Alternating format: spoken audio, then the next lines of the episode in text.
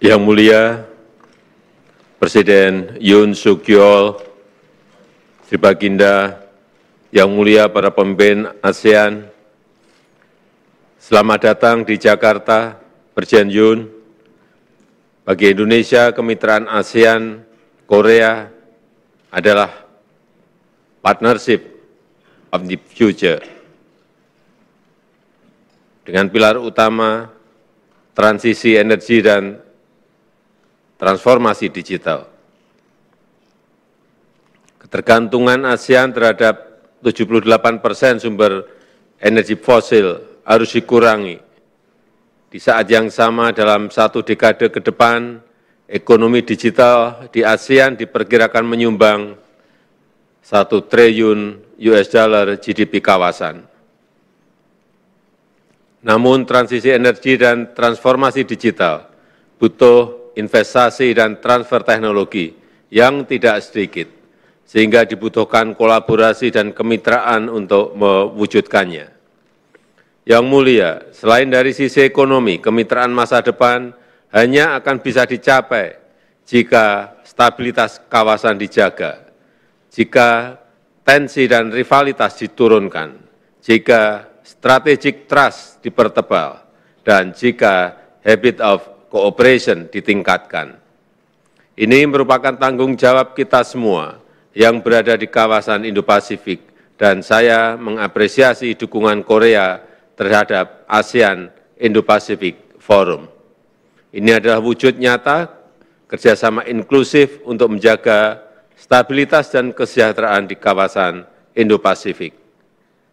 Demikian dari saya, dan dengan ini saya nyatakan KTT ke-24 ASEAN Republik Korea dibuka.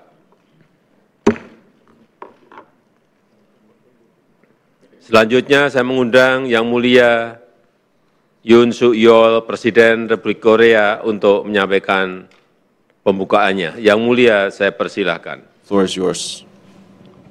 조코위 대통령 President Joko Widodo, Prime Minister Pham Minh Chinh, and distinguished leaders from ASEAN nations.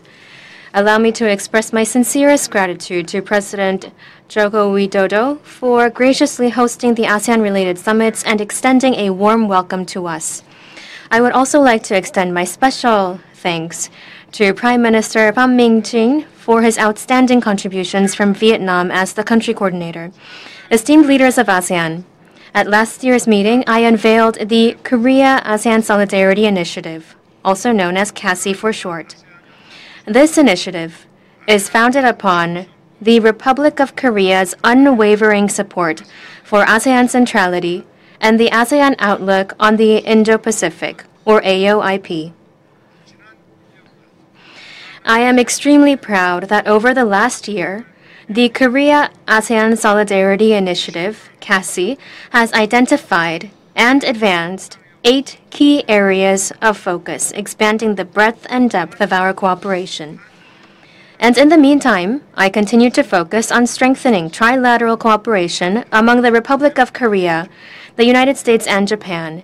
In August, the Trilateral Summit at Camp David opened up a new chapter for cooperation between the three countries underpinned by the three countries' full support for the ASEAN led regional architecture. The ROK, US, and Japan have committed to coordinating our Indo Pacific strategies and exploring new areas of cooperation.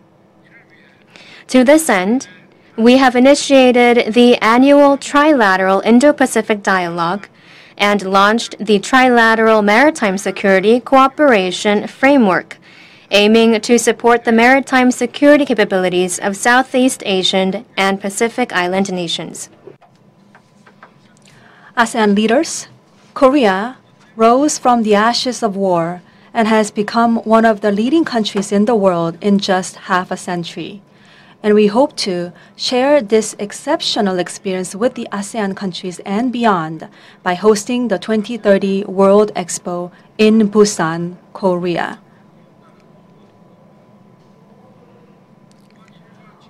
We also want to provide a platform where we can join our heads together and explore solutions to the challenges facing mankind, Busan has a track record of having successfully hosted the ASEAN Korea commemorative summits twice in 2014 and 2019. And I would assume that many of your excellencies here today already find Busan quite familiar.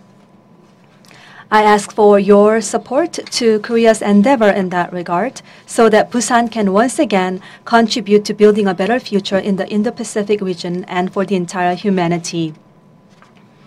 Let us move forward together towards a shared prosperity between ASEAN and Korea. Thank you very much.